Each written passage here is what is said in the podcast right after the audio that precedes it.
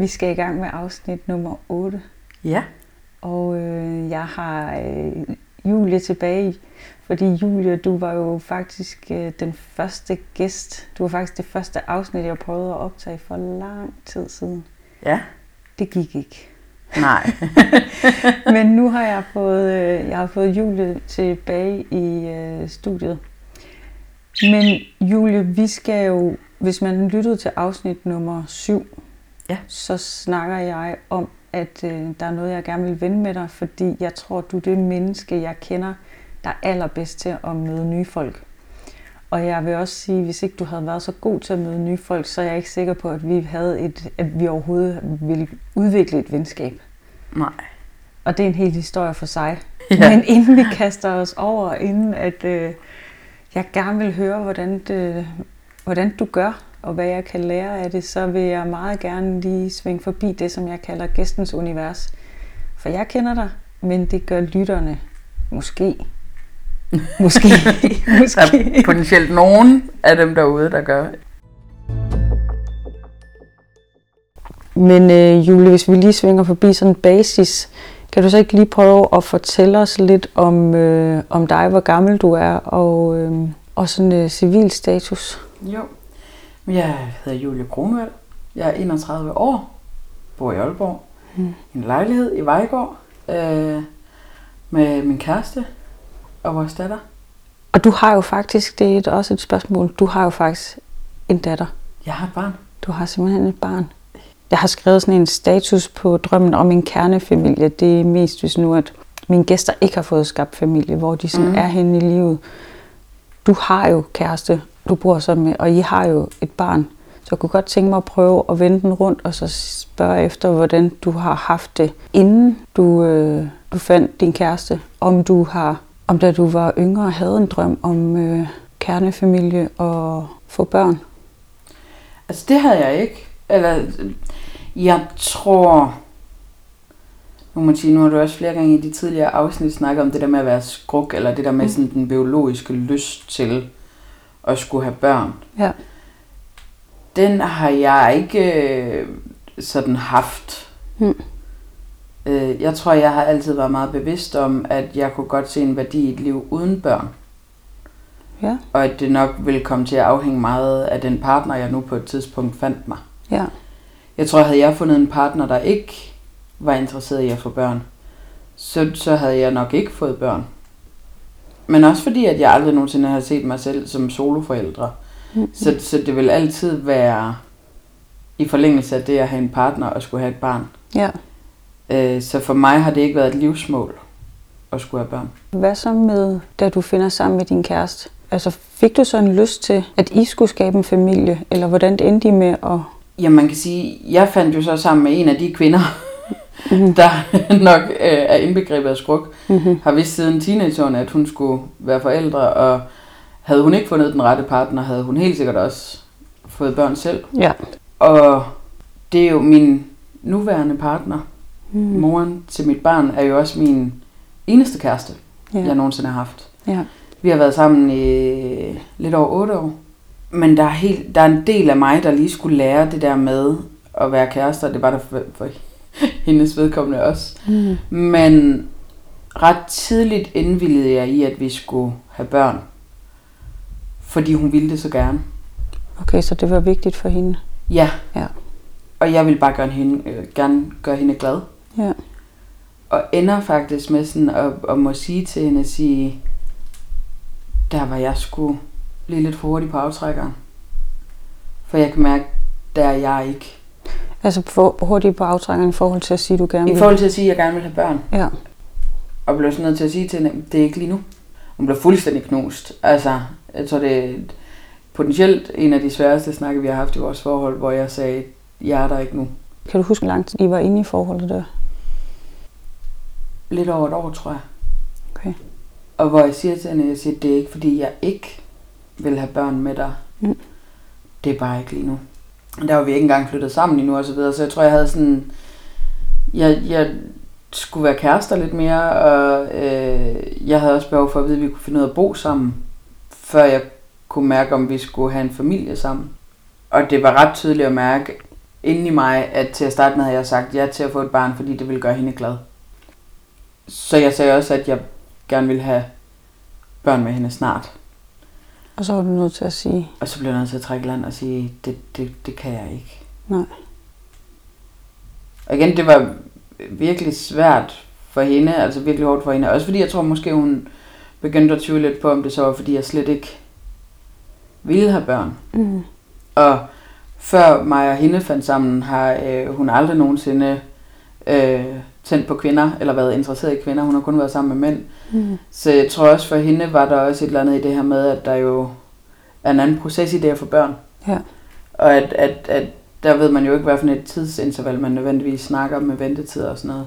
Nej. Men, men jeg kunne bare mærke, at, at det var for tidligt, at jeg havde meldt den ud. Mm. Så langt svar til dit spørgsmål, om, om jeg altid har tænkt, at jeg skulle have familie, det har jeg ikke.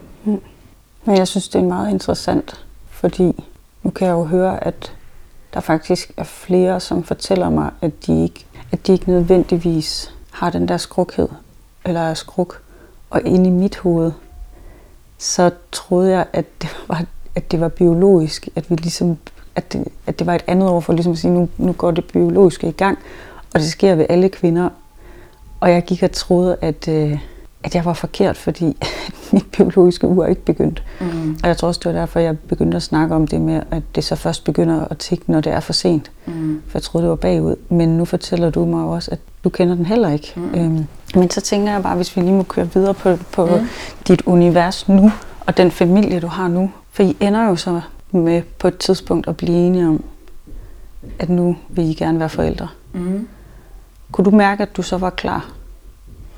Altså det er jo det store spørgsmål, er man nogensinde klar til at få børn? Ja. øh, jeg kunne mærke, efter vi havde boet sammen i, det må jo så være et halvt års tid, Mm. at øh, det kunne vi godt finde ud af. Ja. Det, øh, det gik godt. Jeg har førhen været sådan øh, meget restløs menneske, og været rigtig mange timer ude fra hjemmet mm. i min hverdag. Og jeg oplevede, da, da mig og Henriette flyttede sammen, at jeg fik en ro, og kunne på den måde også bedre se mig selv i et forældreskab, end jeg havde gjort tidligere. Mm. Og mig og Henriette er meget, meget, meget forskellige mennesker på rigtig, rigtig, rigtig mange punkter. Så det var også det med at opleve det at få en husstand til at fungere i, i et parforhold, og have garanti for det, inden man satte et menneske mere i den husstand. Så et halvt års tid efter, at vi, vi var flyttet sammen, siger jeg til hende meget romantisk, at, øh, at der er noget, jeg har tænkt over, og at øh, jeg rigtig gerne vil have børn med hende. Ja. Og det var i julen, hvor jeg siger, jeg synes efter jul, så skal vi gå til lægen og finde ud af, hvad det næste skridt er. Jeg forestiller mig, at du havde en meget glad kæreste. Det havde jeg. Og øh, jeg har det jo sådan nogle gange, at øh, jeg føler jo nærmest, at jeg har været så heldig at være med i en stor del af processen, fordi hvad, hvad dem, som ikke kender os, øh, jo selvfølgelig ikke ved, det er, at, øh, at øh, det er dig, som jeg skal i øh, sommerhus med. Det er dig og Henriette og Gro, jeg skal i sommerhus med. Det er øh, også din familie, der har været der til min fødselsdag, og det er Gro, der kom og gav mig det hjerte, som gjorde, at at vi har en firkløver sammen, og at vi er en familie. Så, så jeg har jo været så heldig at få lov til at følge med, og har jo kendt Gro nærmest fra hun blev lavet, og sidder også ude i venteværelset på sygehuset, der I ender for og får lavet kønsscanningen. Og jeg har taget en blå kjole på, for jeg er sikker på, at det bliver en dreng. Ja. Og I kommer ud og kigger på mig, og Henriette siger, at det er en forkert farve, Ja. jeg har fået på. Og nu er det her jo en podcast, så man kan ikke se det, men jeg sidder jo og, og bliver ret rørt, for det er en meget, meget øh, fin fortælling om vores venskab, ja. at jeg fik lov til at være med til det. Og du var også den første, vi ringede til, da der var en positiv graviditetstest. Julie, er du klar til, at vi, øh, vi smutter fra, videre fra øh, gæstens univers og så ind til dagens tema? Det er jeg. Lad os gøre det. Julie, jeg har jo, øh, jeg har jo inviteret dig med i dag for at snakke om det at møde nye mennesker. Og det har jeg, vi to har snakket om det mange gange. Ja. Som jeg også sagde i, øh, i indledningen her til podcasten, at, at jeg tror ikke, at øh, vi ville have opbygget et venskab, hvis ikke det var fordi du var og er så pissegod til at møde nye mennesker og tør at springe ud i øh, nye relationer. Og det er jo noget, jeg har talt om i tidligere afsnit, at det, det er der, hvor jeg er udfordret på. Så jeg tænker, at vi i dag skal have en snak om, øh, hvordan du gør. Se, om, øh, om jeg kan lære noget, og så må jeg ud i verden og prøve det af. Fordi der er jo ikke... Mit dilemma er, at øh, jeg rigtig godt kunne tænke mig at møde nye mennesker. Men jeg, hvis jeg selv skal sige det, går i baglås. Øh, jeg er... Jeg føler, at jeg bliver akavet, og jeg... Hvis vi giver et eksempel, da vi to møder hinanden, det er arbejdsrelateret. Vi kommer til at arbejde øh, den samme vagt på et hotel, og øh, vi finder ud af, at vi har teater til fælles. Og du er ret hurtig til at øh, sige til mig, jamen øh, lad os da drikke en kop kaffe en dag. Og som jeg, min side af historien af, af det møde er altid, at jeg når at sige til dig, det kan jeg ikke. Og du faktisk øh, konfronterer mig med det og siger, at jeg har jo ikke engang foreslået en dag endnu. og det synes jeg var så pinligt, at jeg tænkte, okay, nu bliver jeg nødt til at sige ja. Og jeg går lidt og er, øh, vi udveksler telefonnummer, vi arbejder stadigvæk det samme sted, så vi ser hinanden sådan, øh, kort, når jeg har fri, og du møder ind. Øh, og du inviterer mig så med ned på noget teater. Jeg tror, det, hvad kan man sige, jeg tror, det er sådan kort at fortalt, at du, øh, at du bliver faktisk ved med at, at række ud til mig. Mm. Hvor at jeg bare tænker, at jeg bare kan lade være med at svare, og så på et eller andet tidspunkt, så, så, så gider du ikke at prøve mere. Og det var jo egentlig ikke, fordi jeg ikke havde lyst, fordi jeg var lige flyttet til en ny by. Var du lige flyttet til Aalborg? Jeg, var, jeg havde boet i Aalborg i mindre end et år. Og var, havde, altså er jo fra Nordjylland, men var flyttet tilbage og kendte jo ikke rigtig nogen mennesker. Så jeg, jeg har jo en dobbelt side inde i mig, som nogle gange godt kan gå og føle mig ensom, og vil helt vildt gerne have nogle, altså møde nogle nye mennesker. Men så snart jeg bliver sat i den setting, for eksempel ligesom med dig, så, så altså jeg forestiller mig, at jeg går i panik indeni. Jeg, jeg, det, det, det kører rundt, og øh, det allerletteste for mig er bare at afvise og lukke den ned. Men jeg har sådan en idé om, at du er sådan lidt en superheldig i forhold til nye relationer. Du møder nogle nye mennesker. Men det kan godt være, hvis vi måske skal prøve at køre lidt med vores møde, eller bare sådan, hvis du tænker generelt, når du møder nye mennesker. Ja, altså man kan sige, jeg har, jeg har som sagt, det er noget, vi to har snakket meget om. Ja. Og jeg har også reflekteret meget over det. Du, du er heller ikke den eneste, der, sådan har, der har snakket om det, eller sådan nævnt det i forhold til mig. Så, så jeg har reflekteret ret meget over, hvad det, sådan, hvad det bunder i. Eller sådan. Ja. For udefra kan det jo godt komme til at lyde som om, at det er fordi, at jeg sådan, at mennesker, der hviler enormt meget i mig selv, og har et stort mm. selvværd. Det er det ikke. Øhm, jeg kommer egentlig fra en, en baggrund, hvor jeg ikke har haft særlig mange venner, øhm, og ikke mm. fungeret særlig godt socialt. Men jeg tror egentlig, at, at det, der sker for mig i mit voksenliv, når jeg møder folk, jeg gerne vil være venner med, eller sådan, mm. det er, jeg, jeg, bliver, jeg bliver sådan helt venneforelsket.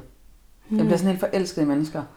Ikke på en romantisk måde, mm. men jeg tror, at min lyst til at få en relation til det menneske på en eller anden måde kommer til at overskygge min, min usikkerhed. Og så rammer den så super meget, når jeg ligesom har dannet relationen. Øh, for der er helt sikkert en periode, hvor jeg så bliver usikker, hvis de ikke lige svarer, eller øh, ej, det kan også være, at jeg er for meget, eller fordi så har jeg bare lyst til at ses med folk hele tiden, fordi jeg bare synes, de er nogle super øh, mm. dejlige mennesker. Og så bliver jeg bange for, om jeg bliver for meget. Men, mm. men den rammer mig ikke i relationsdannelsen, hvis det giver mening. Ja. Mm, så jeg tror, at altså, man kan sige, den seneste nye relation, jeg har, eller sådan, det, det, er, det var en pædagog i min datters vuggestue, som jeg havde, jeg sad som forperson i bestyrelsen, og havde siddet i ansættelsesudvalg med hende. Jeg havde egentlig ikke snakket super meget med hende i vores tid i Danmark. Der er ikke tid til at snakke super meget nej, med pædagoger. Nej, nej. Men havde bare sådan en grundoplevelse af, at hun var bare et skønt menneske. Mm. Og vi havde det bare rigtig fedt sammen. Og øh, jeg har utrolig meget respekt for private, professionelle mm-hmm. distancer, altså sådan, ja. øh, og relationer på den måde. Så jeg var også meget bevidst om, jamen hvis der skulle dannes en relation der, var det først, når mit barn ikke gik i institutionen længere. Ja. Fordi det vil skabe en ulighed. Mm. Hvis nu jeg eksempelvis, mens mit barn stadigvæk gik i institutionen, mm. og sendte en venneanmodning på Facebook, jamen, så kan du både blive en, jamen hun afviste, selvom hun måske egentlig gerne ville, fordi mm-hmm. jeg var forældre, eller hun accepterede, fordi det ville være akavet og ubehageligt, hvis jeg så kom ned og spurgte, hvorfor har du ikke Ja. accepteret? Ja. Men jeg er også sådan nervøs, når jeg gør det, eller sådan. så jeg gik hjem den dag, min datter havde sidste dag i vuggestue, og sender hende en venneanmodning på Facebook. Ja. Øh, og sender en besked til hende samtidig, tror jeg, på Messenger. Kan du huske, hvad du skriver til hende? Jamen, jeg skriver noget i retningen af, hej, håber det er okay, jeg kontakter dig herinde. Hvis ikke det er, så har jeg også fuld forståelse for det. Ja. Men jeg synes simpelthen bare, tanken om, at i dag var sidste dag, vi så hinanden, var rigtig ærgerlig. Ja. For jeg, sådan noget i, stil med, for jeg synes bare, vi har haft nogle fede stunder, eller sådan et eller andet i den stil. Og så måske slutter jeg igen med sådan noget. Som sagt, jeg har fuld forståelse for, at jeg som forældre i en relation, og så videre, hvis ikke du har interesse, og no bad feelings der. Eller sådan et eller andet i den stil. Inden du sender den, altså er du nervøs? Altså, eller Jamen, det er da så sådan en besked, jeg læser en ekstra gang igennem, for at se, om der er stavefejl, og du ved, sådan, ja. øhm, måske jeg er lidt nervøs, altså, mm, men det kan også være, at det først kommer mest bagefter. Det er nok egentlig, altså det, der er sværest for mig, det er tiden fra beskeden er sendt, Ja, til der kommer et svar. ja, Og som jeg husker det, går der faktisk lidt tid, hvor jeg så har fundet ud af efterfølgende, at det er fordi, hun har et princip om, at hun Mm. ikke er venner med forældre, ja, og heller ikke efterfølgende og på sociale medier og så videre. Men at hun faktisk havde, også havde rigtig meget lyst til det.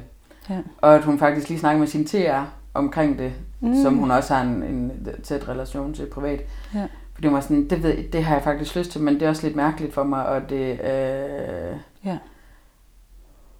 Men så skrev hun tilbage, accepterede min vandudmodning, og skrev, jeg har det på fuldstændig samme måde. Øh, og så var jeg sådan, yes, lad os totalt øh, mødes til en kop kaffe. Og det jeg så finder ud af efterfølgende, nu har vi en rigtig dejlig relation med hende, Ja. at hun jo har haft det på fuldstændig samme måde som dig. Ja.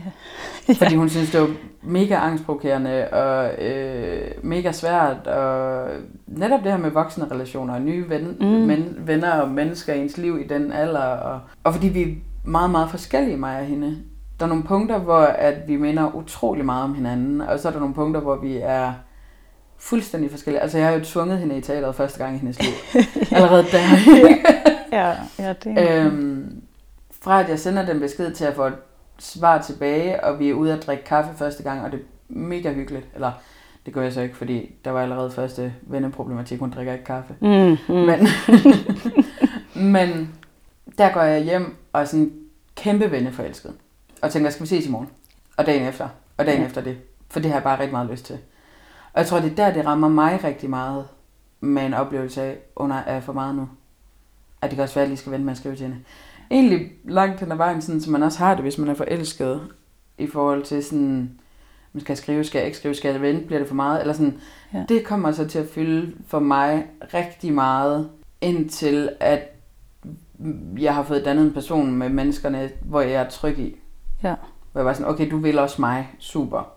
Det er ikke særlig lang tid siden, jeg tror det var i februar eller sådan noget, at jeg står lidt i, ikke en til en det samme, men jeg synes det er sværere at få venner, siden jeg er blevet ældre, fordi mm. Der skete noget, da vi sådan ligesom gik på studie sammen, man mødte nogen. Jamen, der var også nogle rammer, der var sat op til, at man skulle have venner, ikke? Lige præcis, og, og du er lidt en del af hinandens hverdag, øh, mm. Mm. i hvert fald på studiet, du ses, og så udvikler Mm. det sig, har du lyst til det og sådan noget. Mm. Det, det er faktisk lidt, for mig er det nogle gange lidt ligesom dating. Jeg synes, jeg Mm. synes det der med at tage på date, jeg kan blive, bare ordet date får mig til at stå fuldstændig af. Jeg kan ikke det der rammeopsætning.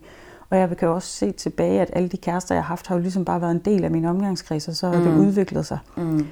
Jeg, jeg endte i en situation i, øh, i efteråret sidste år, hvor jeg simpelthen er nødt til, og jeg har så ondt i ryggen, er nødt til at, at opsøge noget behandling, og få anbefalet øh, en, øh, en, der ligesom kan få kigget på det. Og, øh, og, og jeg har fået fucket godt og grundigt op i forhold til, jeg har trænet alt for meget i forhold til, hvad min krop den kan holde til. Så vi ender faktisk med, at, øh, at jeg kommer til de her behandlinger til at starte med det to gange om ugen. Og det fortsætter i, jeg tror det er et halvt år. Og der kan jeg faktisk godt huske, at jeg på et tidspunkt tænker sådan lidt, at han var rimelig nice at snakke med, eller sådan, jeg tænkte, det kunne sgu da egentlig godt være, havde, jeg, havde vi studeret sammen, så havde det helt sikkert været en af dem, jeg ville have sat mig hen til til fredagsbar og snakket, mm. eller mm. et eller andet. Og da jeg sådan ligesom er blevet færdig øh, med at, at få behandlinger, og, og det ligesom afslutter, der kan jeg huske, at jeg lidt sidder og tænker, hmm, kan jeg, altså, kan jeg tillade mig at sige øh, tak for den her gang? Jeg synes, øh, synes du, øh, du virker som fin fyr, skal vi ud og drikke en kop kaffe en gang, eller sådan et eller andet. Mm. Men fordi det er den her relation, hvor han er professionel, og jeg mm. er privat, mm. så jeg ender jo sådan set ikke med at gøre noget. Og jeg kan jo se i mit liv nu, at det er jo meget sjældent, jeg møder nogen, øh, hvor det ikke er i professionel. Jeg møder folk mm. på mit arbejde, mm. jeg møder folk, hvis det er noget behandling, jeg møder folk. Mm. Jeg synes, det er mega svært, og jeg, fordi jeg ved ikke, hvad jeg er bange for. Jeg ved, du er bange for at blive valgt fra. Ja, man er, man ja. er jo bange, altså, det er jo det der med at være bange for at føle sig valgt fra. Mm. Øhm, ja. Det er jo langt hen ad vejen en afvisning på samme måde som øh, hvis det var en romantisk mm. relation. Hvor det jeg tror, og det er sjovt, jeg snakkede med en veninde om det så sent som, som tidligere på ugen, der også havde fået en kollega. Mm. Øh, hun bare synes var mega skøn, og hvordan fanden gør man? Ja. Hvor jeg tror, hun havde endt med at skrive sådan, vil du være min ven? Ej, hvor fint. Eller sådan, hvor jeg tror egentlig, altså ærligheden i det, øh, og sådan drop alt det der, altså nu eksempelvis med, med, med din behandler, ikke? Altså sådan, jeg tænker, i den situation er det altid fint, at det er på skrift. Ja. Fordi så har de en mulighed for at ignorere det. Eller... Ignorere det, eller, eller øh, tænke over det, eller afvise ja. det på en ordentlig måde. Eller, ja. Man kan sige, det er altid svært, når du står over for et menneske. Ja. Øhm, ja. Særligt fordi, at, at der jo er noget i forhold til det, når det er en øh, ulige relation i en eller anden mm. henseende. Mm. Hvor man kan sige, nu har vi begge to terapeuter. Mm. Det vil jo aldrig nogensinde blive aktuelt at begynde at være venner med dem. Altså, jeg for der er en ekstrem ulige relation der, ja. ikke? Ja. Øhm, men det der med sådan, netop måske i forhold til ham behandleren, være ærlig mm. og sige, ved du hvad, jeg synes simpelthen, vi har øh, snakket mega godt sammen. Mm. Skal vi drikke en kop kaffe og se, om vi kan blive venner? Mm-hmm.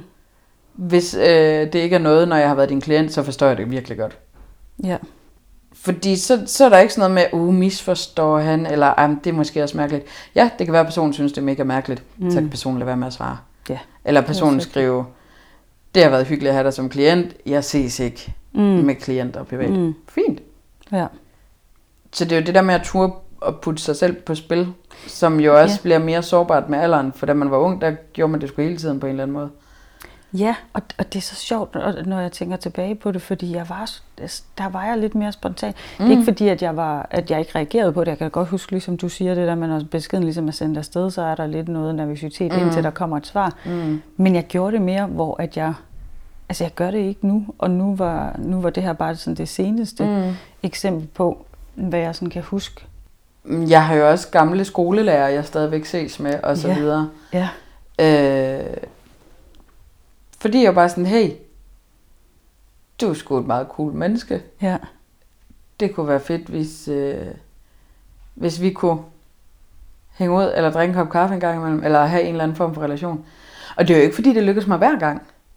Jeg har jo også øh, mennesker, jeg gerne har ville opbygge en relation til, hvor det ikke rigtig er lykkedes, hvor der ikke lige er kommet et svar på den der, øh, med om man skal drikke en kop kaffe, eller sådan. Mm. Øhm, så det er jo ikke fordi, at jeg bare... Øh, score hver gang, skulle jeg sige. sige. Nej. Der er også nogle, hvor jeg tænkte, wow, fuldstændig været blown away af et menneske. Og når man så er gået ind i en relation, har fundet ud af, okay, det mm. var, det var overhovedet ikke det, jeg lige tænkte. Eller, Nej. dem har jeg heldigvis ikke så mange af. Men, men jeg har det, altså, og om det er afvisninger, eller om det er øh, folk, der bare ikke lige får svaret, eller, det finder man jo så aldrig ud af, mm. men men der er der nogle mennesker, jeg godt gad at have haft en relation til, eller prøvet at mm. bygge en relation op til, som ikke er blevet, eller ikke har kunne holde ved. Mm. Studier viser, at tætte relationer og at indgå i et fællesskab har stor betydning for vores mentale sundhed. Men det er altså ikke nok at have kontakter på sociale medier eller omgå et hav af mennesker i sin hverdag. Vi har brug for at opleve, at vi er en del af noget, og at vores tilstedeværelse og handling betyder noget for nogen. Det beskriver psykolog Mette Tingstrup i artiklen Fællesskaber får dig til at leve længere og bedre. Så det der med at når jeg bliver grebet af en følelse, så, så, så bliver den så alt overskyggende, at jeg bliver nødt til at gå med den. Ja. Som jo i, i mit liv er på godt eller ondt. Eller godt og ondt. Mm. Øhm, og det med at blive sådan forelsket i et menneske, uden romantiske bagtanker, det er, der burde være et andet ord for det. Men det er jo det, man bliver. Altså, ja, ja. blown away og synes, de er skønne og fantastiske og dejlige, og man vil gerne ses mere med dem. Når jeg bliver ramt af den følelse, virker det unaturligt for mig ikke at følge den. Og så kan jeg så efterfølgende være ved at skide grøn gris. Mm. Så, så det der med at være, være i sin følelsesvold på godt og ondt, Mm. er nok en af de steder, hvor det hjælper mig rigtig meget i livet. Men i min verden, der, der er sindssygt mange tanker. Er de der før for dig, eller er det noget, som kommer i den mellemtid, fra du har skrevet til de svarer, eller tænker du ikke så meget over det? Er det bare sådan en, jeg har lyst til det her, jeg gør det? Øh, De, de rammer mig først efterfølgende. Mm. Men de, altså, de kommer. Ja. Man kan sige, jeg øver mig så rigtig meget i at være sådan, jamen, okay, lad os nu tage min seneste veninde der og sige, jamen, havde hun ikke svaret, Mm. så var det jo ikke et menneske, jeg skulle have en relation til. Nej, nej, nej. Altså, så, så det der med at øve sig i at sige, okay, et, jamen, hvis ikke hun svarer, mm. så, så var det det. Mm. Kan man sige, Aalborg er en lille by, man kunne godt møde hende til noget et eller andet som sammen, Ja. men, men det ville ikke være sådan noget med, at jeg synes, det var pinligt at møde hende eller sådan noget. Så ville det måske bare lige være en tilkendegivelse af, at man så hinanden og så gå videre. Behovspyramiden, som psykolog Abraham Maslow lavede i 1943, beskrev altså de menneskelige behov, hvor de sociale behov fremgik som et af de tre fundamentale behov for menneskelig eksistens og vækst. Næst efter fysisk behov og sikkerhed. At give et venskab er også at give noget af sig selv. Det er en gave Ja. til andre mennesker. Ja. Et godt venskab er noget af det aller, aller dyrebareste, man kan have i sit liv. Det er noget, man giver. Hmm, det, jeg synes, det er interessant. Jeg sidder lidt og tænker på både det der med at snakke om nye relationer, og så faktisk også venskaber med børn. Altså have det der med, hvor, hvor der er en, der har et barn, og en anden, der ikke har det, og med venskaber. Venskaber, de forandrer sig, de udvikler sig. Mennesker er altid øjebliksbilleder og produkter af det, de står i lige nu og her. Og der er ingen tvivl om, at venskaber forandrer sig, når der kommer børn ind. Det gør de. Fordi alt forandrer sig for de mennesker, der får barnet. Hmm. Eller de mennesker, der får børnene, eller hvad det kan være. Ja. Så selvfølgelig er der en ændring, og en prioritering, der ændrer sig. Der er jo heller ikke nogen tvivl om, at havde du haft mand og børn, Mm. så det at tage en hel weekend ud af kalenderen og være sammen, kunne vi heller ikke på samme måde, som vi kan nu. Nej. Øh, Nej. Havde min kæreste haft lige så meget krudt i røven, som jeg har, så ville det også være svært. Ja. At jeg tog en hel weekend væk en gang imellem. Hmm. Heldigvis har jeg verdens øh, mest fantastiske, kodyle, vanvittige kæreste, som øh, bare har en kæmpe forståelse for, at det her er et behov, jeg har. Mm. Og hun synes, det er så hyggeligt også at have en weekend med Gro uden mig. Mm. Så det er jeg også bare gudsbenået med. Om det så er sådan noget helt ubevidst i mit partnervalg, Mm. at jeg skulle have en partner, der var det diametralt modsat af mig i den sammenhæng, Mm. det ved jeg ikke. Set med mine egoistiske øjne, så er jeg rigtig, rigtig, rigtig glad for, at du har en partner, der kan gøre det muligt for mig, at, have, altså, at jeg er så heldig at få dig en hel weekend. Altså set med mine egoistiske øjne, så er jeg glad for, at du ikke har børn. men det, man kan sige, det er også, det, bare sådan lidt, også med lidt med et smil på læben, men det der med, at du sådan, i sidste afsnit siger, jeg gider ikke bruge tre uger med mine veninders børn. Nej, altså, jeg gider jo knap nok bruge tre uger med mit eget barn. Hun er skøn og dejlig, men hold nu kæft, hvor bruger man også mange, øh, meget energi på det. Ja. Så det er jo det der med, det nogle gange bliver et billede af det, man ikke selv har, eller mm. det, de andre står i, eller mm. sådan, hvor øh, for mig er det kæmpe konge, at vi skal i sommerhus sammen. Mm. Et, fordi jeg elsker dit selskab. Mm. To, fordi mit barn elsker dit selskab. Tre, fordi min kæreste elsker dit selskab. Så vi er fire mennesker, der bare elsker hinandens selskab. Ja. Ja. Og bare skal hygge. Og bare skal hygge og have det dejligt. Og bare have en masse respekt for hinanden. Ja. Og Jeg fordi skal... det er vi skide gode til. Og Så det at bare- sige, ved du hvad, nu har jeg simpelthen gro op, til, op over begge ører, og har lige brug for en pause. Så trækker man sig. Og det er ikke kun fordi, du sidder uden børn Mm-mm. Og altså, vi andre får også op til over begge. Men samtidig så har jeg også sådan en, jeg har også, øh, glæder mig også til at sige, at nu skal dig og Henriette smutte, fordi nu skal jeg bare have øh, gro for mig selv. Og nu skal vi bare hygge. Og apropos det, kan man høre, der er børn i Der, der er børn i opgangen. Der er børn i Det opgang. er ikke, det er ikke gro. det er ikke Gro, der er... Nej, der er lige nogle børn. Men øhm, nej, og det er jo også lidt, sådan lidt sjovt, fordi jeg elsker jo øh, mine veninders børn. Og jeg, jeg sagde det jo også i det sidste afsnit, at jeg kan virkelig godt lide at være sammen med mine veninder og deres børn. Jeg kan også godt lide at øh, bare være sammen med mine veninders børn alene. Men hvor kan jeg virkelig også godt lide bare at være sammen med mine, med mine veninder. Jeg Øhm, elsker, at vores lydkommentar lige nu er et barn. Ja, jeg kan også det godt høre giver det. så god mening. Det giver så god mening. Men bare kan starte ud og bare med at være os, og vi får øh, spillet FIFA og øh, spist morgenmad, drukket kaffe og hygger rundt. Og det eneste, der opfører sig som et barn, er dem ude i opgangen og Arne. og Og lidt mig. ja, også mig. Men, Men, men, det, men, men det er jo også det, som jeg elsker at dyrke, fordi det er noget af det, der har frataget mig i mit forældreskab. mm, og som du savner. Og som jeg savner. Ja. Det bare kan være mig. Ja. Og gøre det, jeg har lyst til. Måske eventuelt også det, du har lyst til. Men, Ja, ja. men og man kan sige, det er jo nogen, der synes, det er dødssygt. Når jeg er herover en weekend, så er det sjældent, vi laver meget andet, end at gå over i Netto. som ligger, hvad, 100 meter væk herfra. Og det er da også fristende at sige, nu er der CPH Stage den her weekend, Ja. og sige, vi skal ud og se en masse forestillinger, for vi er teaterinteresserede, og vi skal, der er godt vejr og sådan noget. ja. Men behovet for, at vi to bare får lov at være sammen, ja, og bare være i det. det er faktisk nok. Fordi det var det, man havde, før man fik børn. Ja. Altså, vi to, vi sov mere sammen, end vi sov hver for sig, da vi blev venner. Oh yes. Øh, og alting var lidt mere uforpligtende, og alting var lidt mere, når vi tager det, som det kommer. Ja. Hvor for mig er det jo det, når jeg er over ved dig en weekend, så er det en lille sm- smule en tidsmaskine tilbage i tiden, hvor man ikke behøver at tage stilling til så skide mange ting, andet end bare at være i den relation, man nu er i. Ja. Og det savner jeg. Fuck, det savner jeg. Det er også, det, det er sjovt, min terapeut er jo misundelig på os to. Fordi at vi gør det, man gjorde dengang. Ja, ja det de gør der vi teenage-venskaber der, som man kan sige, nu er vi ikke teenager, da vi blev venner, men, Nej. men de der teenage-venskaber, der bare, hvor man bare var en symbiose. Mm-hmm. Hvor man bare var sammen, og man øh, sov sammen, og man øh, spillede spil sammen, og man tog i byen sammen, og man lavede ingenting sammen, og Ja, ja. man lavede bare alt sammen. Ja.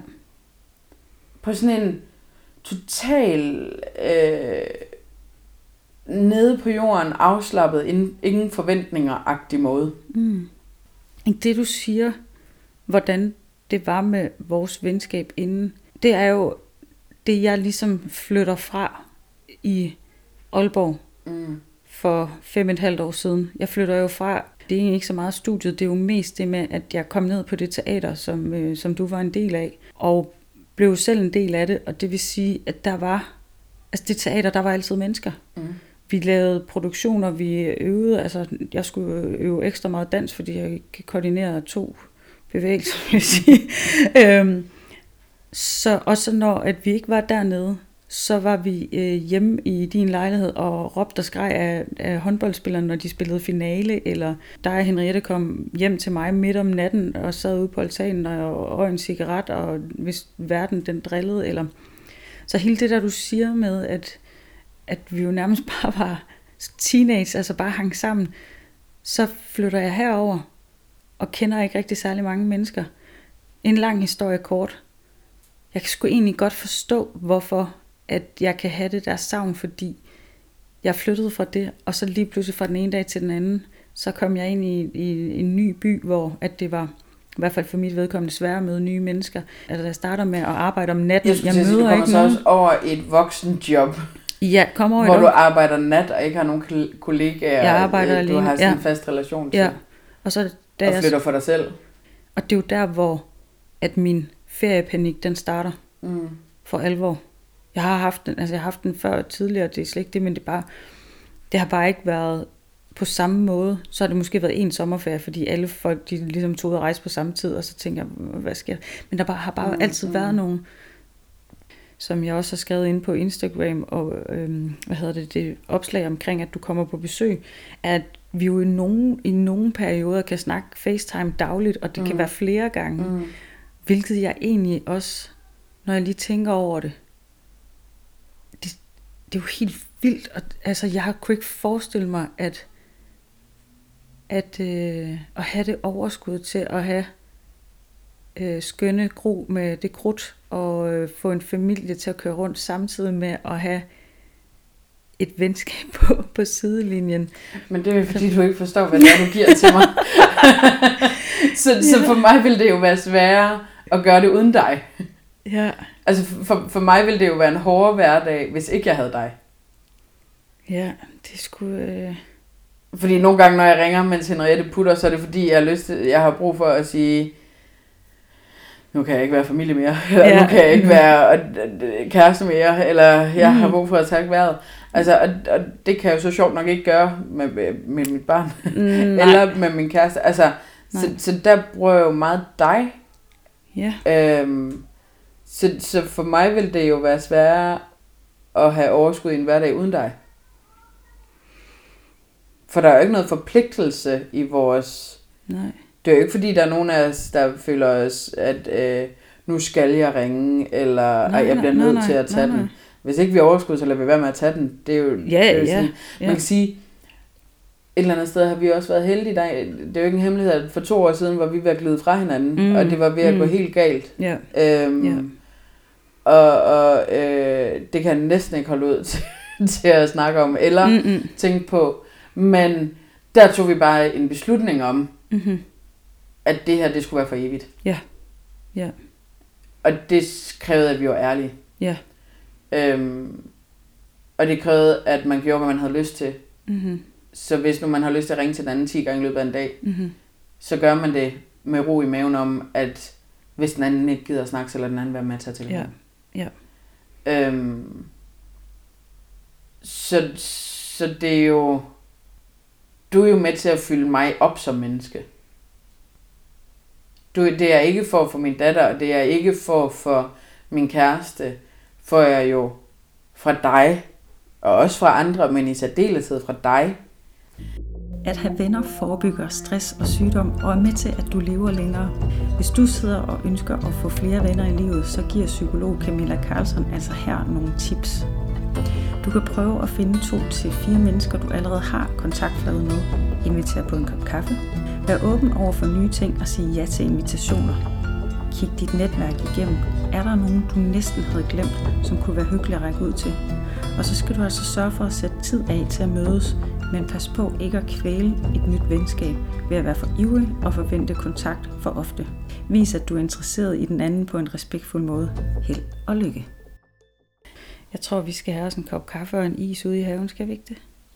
Så skal vi jo bevæge os fra sofaen. Ja, det er godt. Men det er bare lidt, inden jeg hopper videre til status PT, så skal jeg da lige have en pause. Fair nok. Godt. Vi gør det. det var min samtale med min veninde Julia om øh, vores venskab og om det at møde, møde nye mennesker. Jeg vil skynde mig at løbe videre til, haha, løbe videre til status BT. Grunden til, at jeg griner lidt, det er fordi, at det er grunden til, at jeg har lidt travlt, er, at jeg skal ud og løbe. Jeg når 30 km mærket i overmorgen, og det vil sige, at øh, jeg skal holde mig selv op på, at jeg skal ud og løbe. Men nu har jeg snakket meget om det løb. Jeg vil bare sige, det sker stadigvæk. Jeg vil skynde mig at hoppe videre til øh, noget af det, som jeg snakkede om sidste gang, og det er min sommerferiepanik. Hvis ikke du har lyttet til det, så er det kort fortalt mig, der går i panik hver eneste gang, der kommer ferie, fordi jeg er bange for, at jeg kommer til at bruge hele min ferie alene. Og nu kommer der simpelthen en flyver. Måske er det et tegn til, at jeg skal tage ud og rejse. Anyway, jeg er begyndt at lave aftaler. Og øh, jeg er ikke færdig endnu. Men øh, jeg begynder at lave en liste over ting, jeg godt kunne tænke mig, og så øh, har jeg en kollega, der sagde, at øh, jeg skulle øve mig i at række ud til folk, fordi noget af det, som hun savnede, var faktisk, at der var nogen, der rækte ud til hende og foreslog noget, som de godt kunne tænke sig at lave. Så det har jeg taget til mig, og øh, hun sagde også i samme øh, som omgang, at øh, det kunne være, at jeg skulle overveje at se, om jeg kunne stable et socialt arrangement på benene i forhold til dem, der lytter med. I er ikke sådan helt vildt mange, der lytter med. Men dem er jeg, der lytter med. Det kunne da godt være, at jeg skulle prøve at se efter, om der var nogen, der kunne tænke sig det. Om ikke andet, så hvis vi er to eller tre, så, øh, så tænker jeg nok, at vi skal få det sjovt. Men jeg, jeg skal lige arbejde lidt videre på, hvad det skal være, så det kan være, at jeg ja, piper op om på et tidspunkt. Og ellers så snakkede mig og Julie faktisk om ting, som øh, vi glæder os til, eller jeg spurgte hende, hvad hun glæder sig til i fremtiden.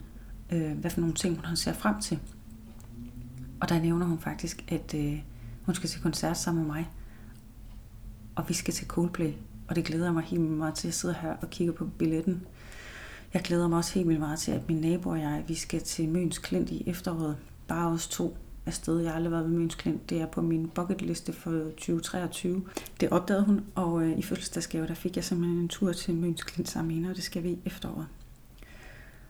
Og ellers, så ved jeg ikke helt, hvad der skal ske endnu. Men øh, jeg er sikker på, at jeg har rigtig meget at se frem til. Noget af det skal jeg selv skabe, noget af det skal jeg sige ja til. Jeg har en veninde, der spurgte, om jeg vil komme hjem til hende. Hun får besøg af hendes kollegaer om et par uger, og sagde, at jeg var velkommen til at kigge forbi, hvis jeg havde lyst. Det sagde jeg ja til. Indeni, der gik jeg i panik, men nu har jeg sagt ja, og jeg tager afsted.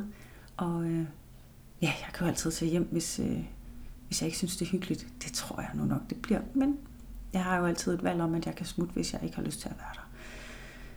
Så det er sådan lidt status pt. Ellers så ja, har travlt. Jeg skal ud og løbe. Jeg skal i seng. Øh, måske også lige snakke med Arne. Hende hører I lidt en gang imellem. Det er lidt svært øh, at øh, holde hende væk fra mikrofonen. Jeg beklager, der er lidt fuglelyd i baggrunden. Jeg håber, I kan bære over med det. Jeg tror, det var det. Igen vil jeg sige tusind tak, fordi at I lyttede med. En del af mig håber, at øh, der er noget i det her afsnit, der har givet stof til eftertanke, noget, der har inspireret jer, noget, der har gjort et eller andet. Og øh, hvis det ikke har, men I bare synes, det har været hyggeligt at følge med, eller lytte med, så, øh, så er det også dejligt. Ja, yeah, det var sådan set det. Jeg håber, at I får en helt vildt god uge. Og øh, næste uge, der er jeg nok på pinden igen alene. det kan... Ja, jeg må se, hvad jeg falder over. Der begynder at komme øh, lidt mere aktivitet ind på Instagram-profilen, så hvis du har Instagram, og du har lyst, så vil jeg anbefale at, øh, at hoppe ind og følge med. En som mig, underscore podcast. Der kommer nogle factboxer op med noget facts omkring øh, ugetemaet, og det her ugetema har altså været relationer og venskaber. Der kommer noget mere i løbet af den her uge. Ja, yeah. har jeg ikke snakket nok nu? Afsnittet er længere, end det plejer. Er spændt på at se efter, om, øh, om I kan holde ud og lytte med så længe. Det må vi se efter. Jeg skal ud og snøre løbeskoene. Jeg er stadigvæk ikke kommet på Tinder, kom jeg lige til at tænke på.